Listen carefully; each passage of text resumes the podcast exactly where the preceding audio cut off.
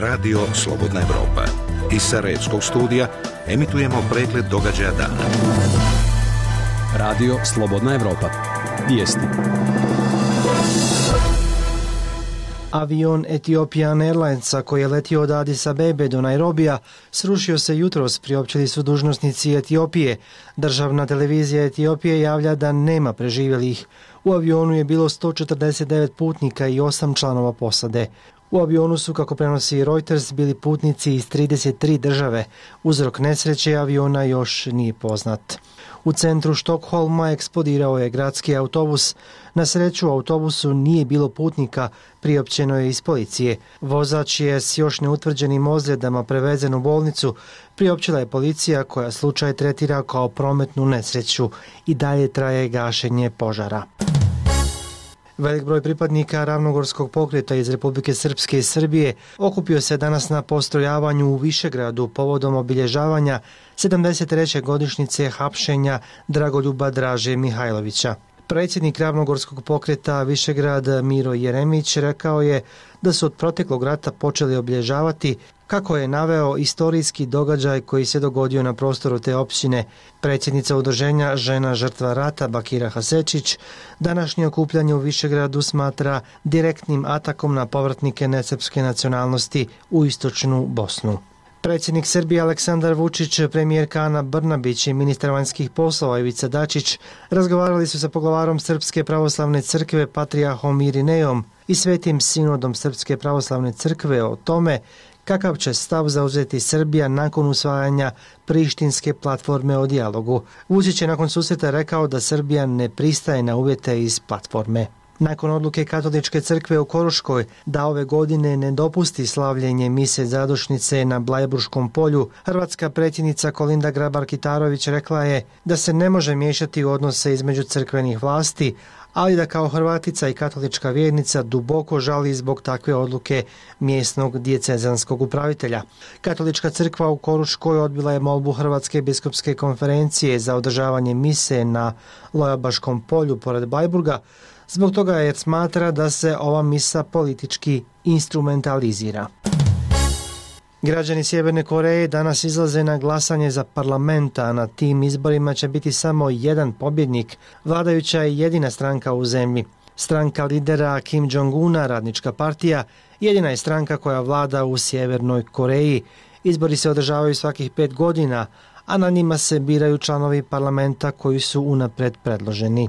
Predsjednik Venezuele Nikolas Maduro pohvalio je lojalnost oružanih snaga koje, kako je rekao, nisu dozvolile državni udar koji su pokušali izvesti Amerika i lider oporbe Juan Guaido. Maduro je tokom mitinga u Karakasu nazvao Guaida američkim klovnom i lutkom. Predsjednik Irana Hasan Rouhani sutra će otputovati u prvu službenu posjetu susjednom Iraku. Rouhanijeva posjeta je također svojevrsni odgovor na decembarsku posjetu američkog predsjednika Donalda Trumpa, koji je tada kazao da su američke snage u Iraku angažirane da motre na Iran. Sutra u Bosni i Hercegovini jačeno oblačenje će uvjetovati zahlađenje i padavine u cijeloj zemlji. Na planinama će padati snijeg. Prije podne u nizinama će padati kiša od sredine dana prema poslijepodnevnim satima. Usred opadanja temperature zraka u nizinama u Bosni, kiša će postepeno prelaziti u susnježnicu ili snijeg koji će padati i tokom noći na utorak bez snijega u sjevernim područjima Bosne. Temperatura zraka kretaće se između 6 i 11 na jugu zemlje do 15 stupnjeva Celzijusa. Sa dolaskom padavina temperatura zraka će biti u opadanju. Vijesti čitao i u radio Ivan Katavić. Radio Slobodna Evropa, program za Bosnu i Hercegovinu. Na vratima Evrope. Emisija o evropskim integracijama. Srdačan pozdrav, poštovani slušalci. U ovoj emisiji za vas smo pripremili. Bosna i Hercegovina predala odgovore na dodatna pitanja iz upitnika Evropske komisije. Može li konačno popraviti svoj rejting na ljestvici evropskog integrisanja? To što smo mi jedina država bez e, statusa kandidata e, razotkriva potpunu podkapacitiranost naših političkih elita za vođenje reformskih i integracijskih procesa. Ja moram podsjetiti da je početkom vijeka gotovo podruku s Hrvatskom Bosna i Hercegovina bila na čelu tog procesa. Šta gubi Bosna i Hercegovina zbog neispunjenog reformskog zadatka u javnoj upravi?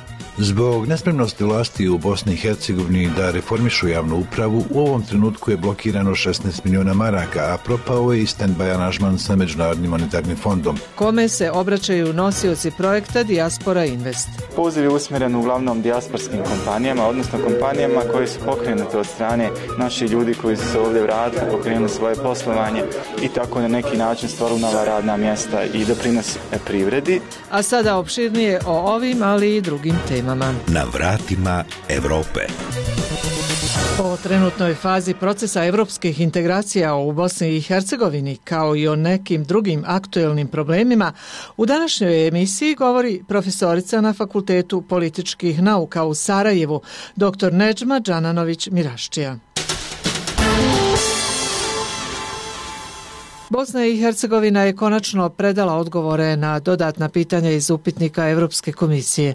Među njima su i oni u kojim nije postignuta saglasnost, to jest odgovori nisu kompletirani. Koliko to zaokružuje sliku cjelokupnog odnosa BH vlasti prema evropskim integracijama, jer je Bosna i Hercegovina jedina zemlja u regionu bez kandidatskog statusa? To što smo mi jedina država bez e, statusa kandidata e, razotkriva potpunu podkapacitiranost naših političkih elita za vođenje reformskih i integracijskih procesa. Ja moram podsjetiti da je početkom vijeka gotovo podruku s Hrvatskom Bosna i Hercegovina bila na čelu tog procesa. E, onog trenutka e, nekoga veže za neusvajanje aprilskog paketa, neko, neko za dolazak SNSD-a na vlast u RS-u 2006. U svakom slučaju, jel, oba, oba događaja su bila 2006. E, kad su eurounijski procesi dejtonizirani i kad su reforme shvaćene kao način da se nadoknadi ili povrati nešto što je Dayton nekome dao ili oduzeo, a ne kao način integriranja u jedan politički, ekonomski i pravni sistem Evropske unije koji je i uspješan i prosperitetan, taj je proces e, sad mi se čini gotovo nepopravljivo kompromitira. E, jako je značajno da smo mi ovaj dio posla e, savršili uz veliki angažman administracije na svim nivoima, pa i određene političke kompromise, E, i saznaćemo koliko je to bilo uspješno. E, no kao što je neki dan rekao komesar Han, mi nikako ne možemo reći, e, ne možemo smatrati ovo završenom pričom i završenim poslom. Jer uz kvalitet odgovora, e, pa i, i, i uz ono na što upućuju odgovori koji nedostaju, e, pratit će se i ukupno stanje u političkom životu Bosne i Hercegovine, po, formiranje i politička orijentacija vlasti. E, lijepo je poželjno sa stanovišta pojedinih političara širiti optimizam e, i mi smo imali takvih perioda i prije, e, no kamo sreće da su, da su stvarni temelji za taj optimizam jači. Čak i u optimalnoj varijanti da avi, odnosno mišljenje komisije, bude bezuvjetno pozitivno, to moraju potvrditi sve članice Evropske unije a diplomatski segment informiranja članica i napor javne diplomatije da poveća zainteresiranost i podršku procesu proširenja e, e, Evropske unije među članicama je nešto što je potpuno zanemareno i to nije zanemarila samo Bosna i Hercegovina, e, niko, niko u regionu se time ozbiljno ne bavi. Kakva je dalja procedura? Čemu se može nadati Bosna i Hercegovina, to jest može li konačno dobiti status kandidata? E, Bosna i Hercegovina bi eventualnim stjecanjem statusa kandidata tek započela pravi posao. Upitnik je e, i odgovor na upitnik su jedna gruba diagnostika. Rentgen snimak političkog sistema na neki način. Šta imamo, gdje se šta nalazi, gdje su, gdje su praznine. E, screening, odnosno dubinska analiza po resorima, odnosno poglavljima, je ono što će definirati e, takozvane prekovaračke pozicije, odnosno e, definirati šta i kako Bosna i Hercegovina mora da promijeni i primijeni. I budući e, da naši političari ili ne znaju, ili, ili ne razumiju, ili ne žele reći punu istinu o tom dijelu procesa, e, evo dozvolite da ja budem sasvim jasna taj dio procesa koji se naziva pregovorima sa Evropskom unijom, jednom kad zemlja stekne status kandidata. To je samo eufemizam. Evropska unija ne pregovara o svojim standardima, ona ih u toj fazi procesa diktira. Država kandidat pod navodnicima pregovara samo o dinamici ispunjavanja. I to je ono što možda i najviše treba da nas brine kad dođemo do te tačke, a, a to je ta dinamika i to možemo vidjeti i, i kod e, drugih zemalja Zapadnog Balkana koje su dalje e, odmakle u tom procesu. Zapadni Balkan kao cijelina je od 97. u, u, u EU čekaonice i to je sad već više decenijski proces i mislim da je vrlo opravdan strah ne samo Bosne i Hercegovine već, već um, i, i svih drugih čak i onih koji su dalje u tom procesu da proširenje na Zapadni Balkan uh, već poprima obrise takozvanog turskog scenarija, odnosno jednog više decenijskog procesa u kojem se ne nazire happy end. Nedavno je visoki predstavnik međunarodne zajednice Valentin Insko predložio da Bosna i Hercegovina dobije rani status kandidata i kasnije članstvo. Kako vi vidite ovaj prijedlog i koliko je on realan? Mislim da je šteta što takav prijedlog nismo čuli od ambasadora Vigemarka, koji e, nije samo šef delegacije Evropske unije, nego je i specijalni predstavnik za Bosnu i Hercegovinu, visoke predstavnice za vanjsku i sigurnosnu politiku EU Federike Mogherini. I on u toj drugoj funkciji koja je vrlo često zaboravljena i zanemarena, ima i specifičnu političku težinu koja prevazilazi redovni mandat u sklopu koje bi mogao davati određene određene inicijative. E, rana kandidatura kasnije članstvo je nešto što je iskusila Makedonija i e, ti rezultati su e, tek relativno zadovoljavajući s tim što naravno svaka od zemalja Zapadnog Balkana, znači i Makedonija i Bosna i Hercegovina imaju, imaju svoje imaju svoje specifičnosti, imaju e, e, svoj, svoj e, specifično problematičan, problematičan kontekst. E, činjenica da je Bosna i Hercegovina ostala jedina država bez statusa kandidata, je, e, osim naravno domaćih političkih elita, nešto što ide i na dušu Evropskoj uniji, koja je e, preuzevši tu palicu vođenja međunarodne zajednice e, u Bosni i Hercegovini od Sjedinjenih američkih država, potpuno zanemarila širu političku sliku i same ciljeve eurunijskog integracijskog procesa. E, I ne samo da se desilo da je Bosna i Hercegovina ostala na zatelju te kolone, e, nego što je još i opasnije, otvoren je prostor za e, znatno jeftinije u smislu angažiranih resursa, ali e, učinkovitije djelovanje neeuropskih aktera koje nikako nema stabilizirajući karakter. Bosna i Hercegovina ne ostvaruje napredak u reformama na koje se obavezala. Evropski standardi su još uvijek daleko i uglavnom se govori o problemima koje ima ova država, odnosno njena nefunkcionalna vlast. Koliko je kao takva profesorice Đananović-Miraštija Bosna i Hercegovina dobro došla u Evropsku porodicu naroda? Tek nakon izbora za Evropski parlament e, u maju ove godine mi ćemo dobiti e, realniju političku sliku Evropske unije. Moramo voditi računa o tome da je ovo popularna je ta fraza, jer ipak e, odlazeća eurounijska administracija E, baveći se stalno jednim te istim retrogradnim temama, mi, mi u regionu, općenito i u Bosni i Hercegovini kao država i kao društvo, propustili smo da primijetimo značajne tektonske poremećaje na svjetskoj i evropskoj sceni. Raspoloženje prema proširenju, koje ni sada nije sjajno, može potpuno splasnuti i, i ja ne bih isključila ni najgoru mogućnost e, da se sa nekom novom EU administracijom perspektiva punopravnog članstva za Zapadni Balkan počne temeljno preispitivati. E, I to ne samo na nivou pojedinih članica, pojedine članice već to rade i šalje, šalju takve poruke, već i u samim tijelima Evropske unije. Dalju opasnost predstavlja jedan primjetan zamor u međunarodnoj zajednici u Evropskoj uniji od insistiranja na nekim osnovnim vrijednostima koje nisu u potpunosti zaživjele ni nakon dvije decenije. Vrijednost multietničkih društava, konstruktivnih dobrosusjedskih odnosa, čak i obaveza koje e, jednom dijelu regiona ili trima zemljama u regionu e, diktira Dejtonski mirovni sporazum se na određeni način e, relativiziraju. Mladi odlaze, zemlju napuštaju i cijele porodice, pa čak i oni dobro situirani koji imaju posao stan. Da li se dovoljno pažnje pridaje ovom problemu kako u Bosni i Hercegovini, tako i u cijeloj našoj regiji? I Bosna i Hercegovina i cijeli region se prazne velikom brzinom, zato što nažalost e, ni tranzicijski ni integracijski procesi očito nisu uspjeli osigurati da mi uđemo u 21. vijek.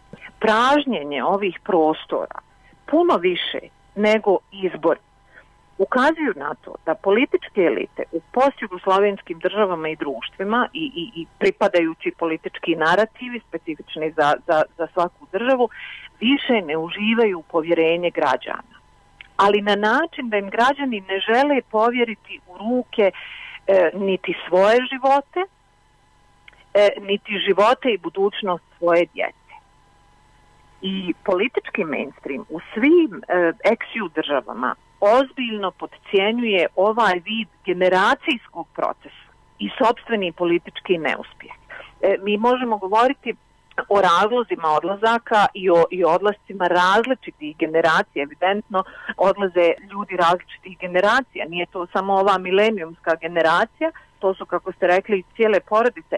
E, ono s čime se mi suočavamo su ti e, odlasti porodica koji su uglavnom nepovratni. Ja mogu da razumijem političke probleme, mogu, mogu da razumijem prirodu tih problema, ali ka kažu da je bitno kako se jezik zove. A ljudi odlaze tamo gdje nemaju svoj jezik, gdje nemaju nikog svog, gdje masu nekih stvari koje mogu ovdje da manifestiraju iz, iz svog identiteta ili bilo koje druge želje, neće imati priliku da manifestiraju, nema ih ko predstavljati, znači nema tih nekih naših, ljudi bez problema idu tamo, zato što tamo gdje nema njihovih predstavnika, odnosno tih naših, očekuju fair i korektan tretman. Govorila je profesorica na Fakultetu političkih nauka u Sarajevu, dr. Neđma Đananović-Mirašćija. Na vratima Evrope. Emisija o evropskim integracijama. Reforma javne uprave u Bosni i Hercegovini još je na čekanju. Država nije, iako je to od nje traženo iz institucija Evropske unije, smanjila ogroman birokratski aparat, niti je promijenila komplikovane administrativne procedure koje bi trebalo da olakšaju, a ne otežavaju svakodnevnicu građana u Bosni i Hercegovini, pripremio Erdogan Katana. Zbog nespremnosti vlasti u Bosni i Hercegovini da reformišu javnu upravu, u ovom trenutku je blokirano 16 miliona maraka, a propao je i stand-by aranžman sa Međunarodnim monetarnim fondom, jer običani moratorij na zapošljavanje i povećanje plata nije ispoštovao ni jedan nivo vlasti, a i od uspostavljanja javnog registra zaposlenih u javnoj upravi još nema ništa. Evropska komisija uputila je nedavno dopis bosansko-hercegovačkim vlastima u kojem ih obavještava da će obustaviti sve projekte iz ove oblasti. Razlog je što još uvijek nije usvojen strateški okvir za reformu javne uprave od 2018. do 2022. godine od svih nivoa vlasti. Šef delegacije Evropske unije u BiH Lars Gunnar Vigemark smatra da je potrebna temeljna reforma javne uprave koja bi obuhvatila i glomaznu birokratiju i komplikovane birokratske procedure, zašto je potrebno, kaže, postojanje jedne generalne strategije u BiH.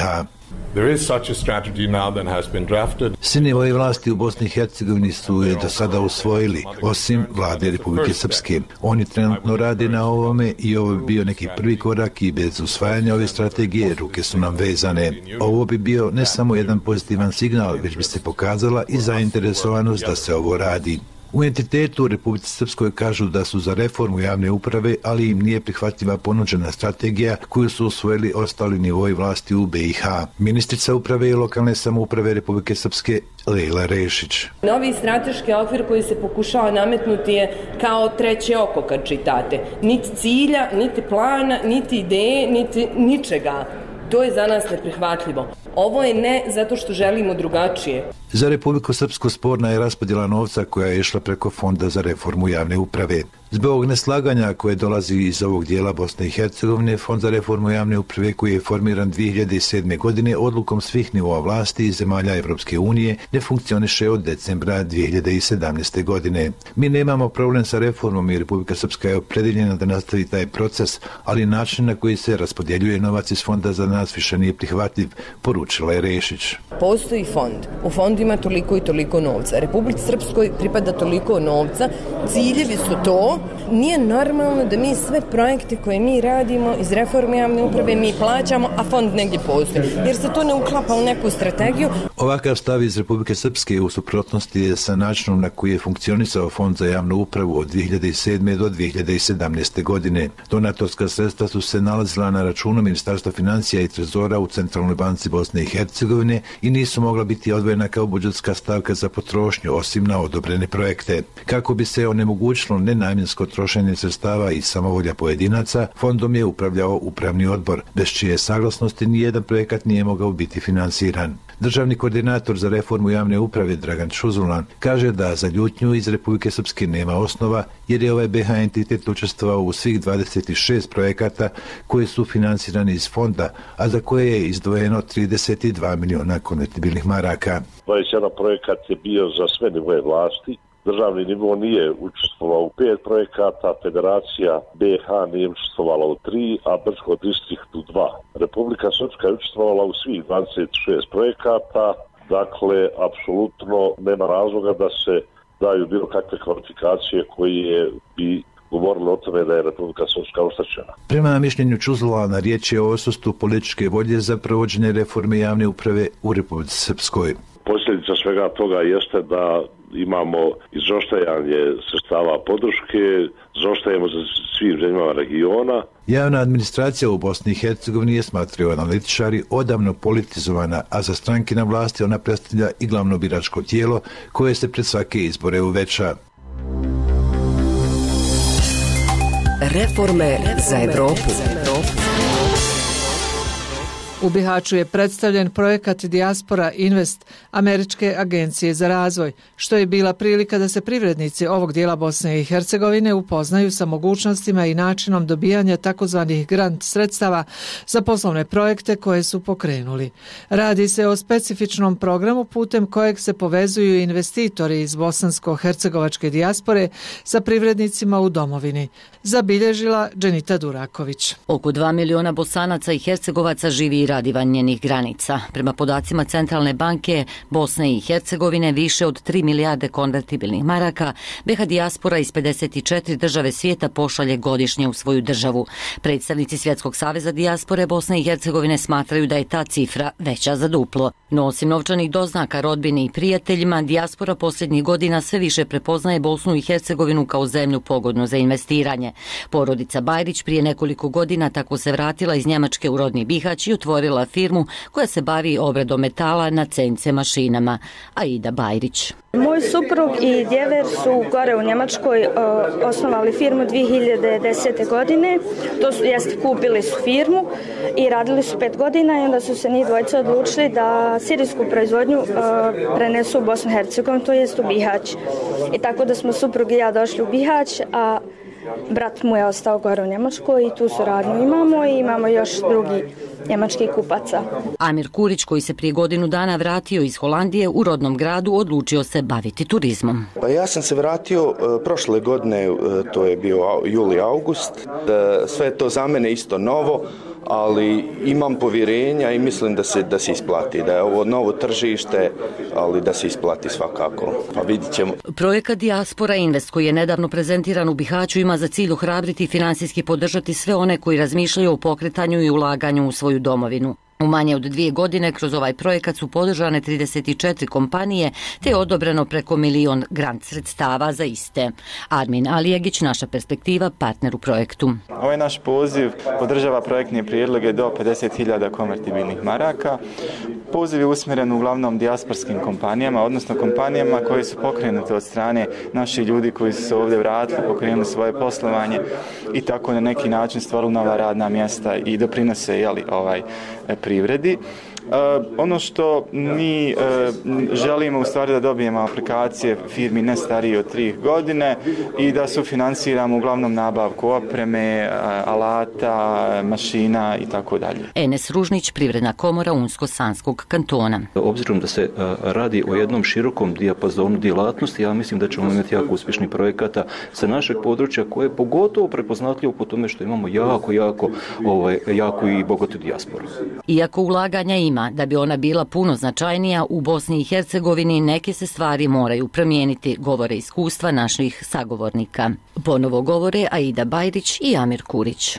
Ima dovoljno uh, jako mladi ljudi koji dolaze u Bosnu i Hercegovini, koji investiraju, koji vide ovdje uh, jako pozitivne stvari kao što mi, ali mislim da je opet taj broj dosta mali da bi se trebao malo da poveća. Ne, najveći problem je bio um, birokratija naša ovdje, znači ta papirologija, tu je bilo jako malo ono, da kažemo težavajuće Uh, to i e, što se tiče školovanja znači radne snage to je isto jedan znači jedna tačka koja nam na neki način predstavlja problem e, s time da mi zapošljavamo momke iz znači te naše struke ali nažalost oni kad dođu kod nas nemaju dovoljno tog iskustva nekog u toj branči tako da onda mi manje više opet od neke nule moramo da počnemo pa da i onda gradimo i formiramo i da im to neko znanje onda mi prenesemo. Najveći e, taj problem, taj administracijski dio, e, e, e, duge su procedure e, čekanja, dobijanja tih dozvola,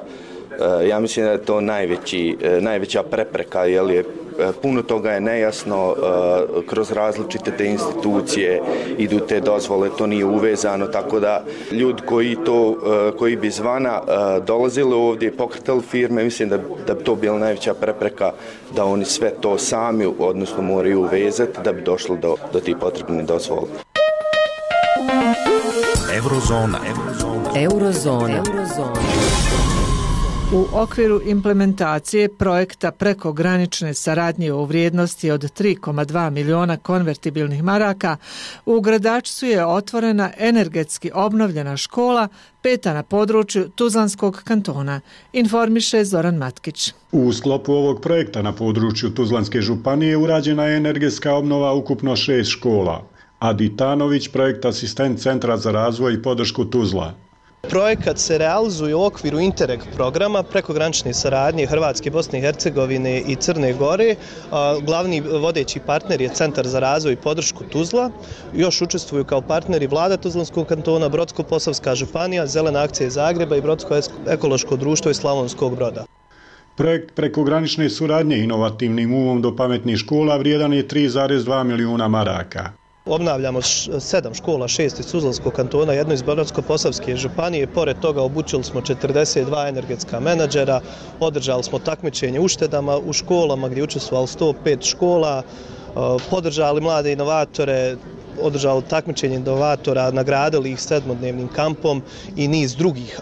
Ministar za obrazovanje i nauku u vladi Tuzlanske županije Zlatan Muratović kaže da su među prioritetima u radu vlade stvaranje što boljih uvjeta za obrazovanje mladih. Kroz ovaj projekat dobijamo šest energetski efikasnih objekata koji ima nekoliko benefita. Osim toga što ćemo stvoriti svakako bolje uslove za rad i nastavnika, naravno i učenika, on ima jednu svoju ekološku dimenziju, znači svakako da ono na čemu vlada u posljednje vreme insistira, a to je očuvanje okoliša i kroz ovaj projekat će biti implementirano.